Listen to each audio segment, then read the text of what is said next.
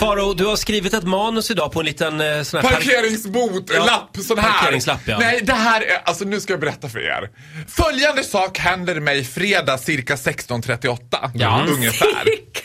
Jag kommer åkande för att hämta upp min mor på Centralen eh, och kommer då i 100 knutars backe.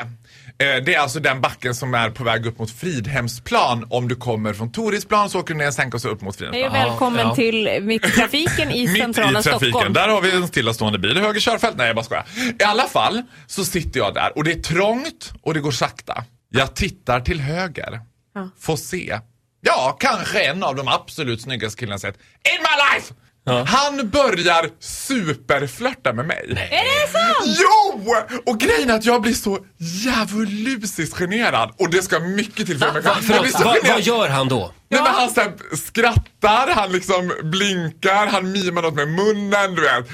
I turn tomato, du vet. I look like a tomato. Och där sitter vi och jag är så nervös och jag, skakig blir jag. Han är säkerligen inte gay. Jag tror att han snarare kan vara en lyssnare. Därför vill jag nu lägga ut detta. Nej, men.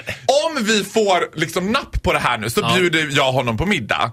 Då är det alltså registreringsnummer. Nej, men vänta men- men- lite. men- Vi men- kan måste ju vänta, Vi kan ju gå in på Transportstyrelsens hemsida och söka redan. Ja. själva. Ja, men, nej, det är roligt att lägga ut honom för jag tror att det här är ett... Ja, men, Ja, det, sök på är, det är roligare att hänga ut honom i direktsändning. Men jag är skeptisk till det här. Det är det väl? Ja, det verkar i alla fall vara en skön snubbe. För Ja. oavsett om han flörtar på riktigt eller för att han bara är ett fan så var det ju kul. Det var så kul så jag inte men jag blev så generad. Ja. KPP Ja, 537. Ja, ja, honom känner jag. Han är jättetrevlig. Hur jätteflörtig. fan känner du? Du känner alla killar? Li Lundgren och Börje och alla vad de Grå heter. Renault, Va? Ja, har vi ett namn? firmabil. Fan! Fan! Jaha. Vad är det för firma? Vad är det de sysslar Vad är det för med? bransch? Ehm, nej, det är lite för... Vi tar det off-air, så att Jaha. säga. När mikrofonerna är nere. De håller på med trafficking.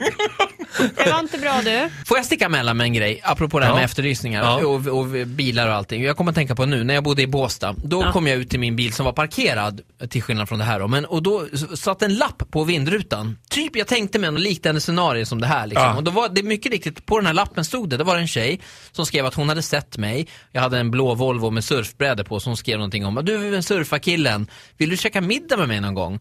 Och så stod det ett namn och ett telefonnummer. Och jag blev jätteglad såklart, för fan det här hände aldrig mig. Så jag messade den här tjejen direkt, pang!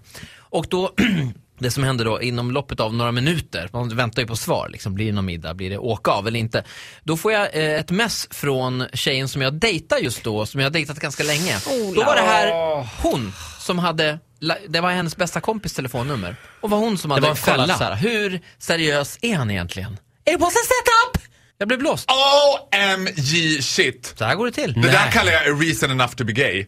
Alltså herregud. Tjejer är du- listiga då. De jag är illmariga är de, maror. Det var ju onekligen så att eh, din, den här dejtmänniskan sen länge, hon hade ju lite fog för det hon Ja. funderade på. Ja. Flexibel, Nej, men öppen, redo att byta Vadå hela Ola, tiden. säger du att den här killen nu i den här silverfärgade Renault kan vara mitt eh, senaste knullsbästis? Ja, exakt. Då är det för bra.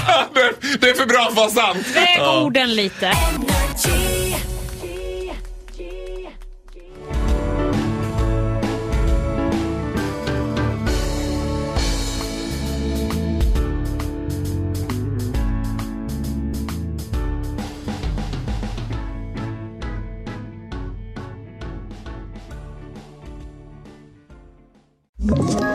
Ett poddtips från Podplay. I fallen jag aldrig glömmer djupdyker Hasse Aro i arbetet bakom några av Sveriges mest uppseendeväckande brottsutredningar. Går vi in med hemlig telefonavlyssning och, och då upplever vi att vi får en total förändring av hans beteende. Vad är det som händer nu? Vem är det som läcker? Och så säger han att jag är kriminell, jag har varit kriminell i hela mitt liv men att mörda ett barn, där går min gräns. Nya säsongen av Fallen jag aldrig glömmer på Podplay.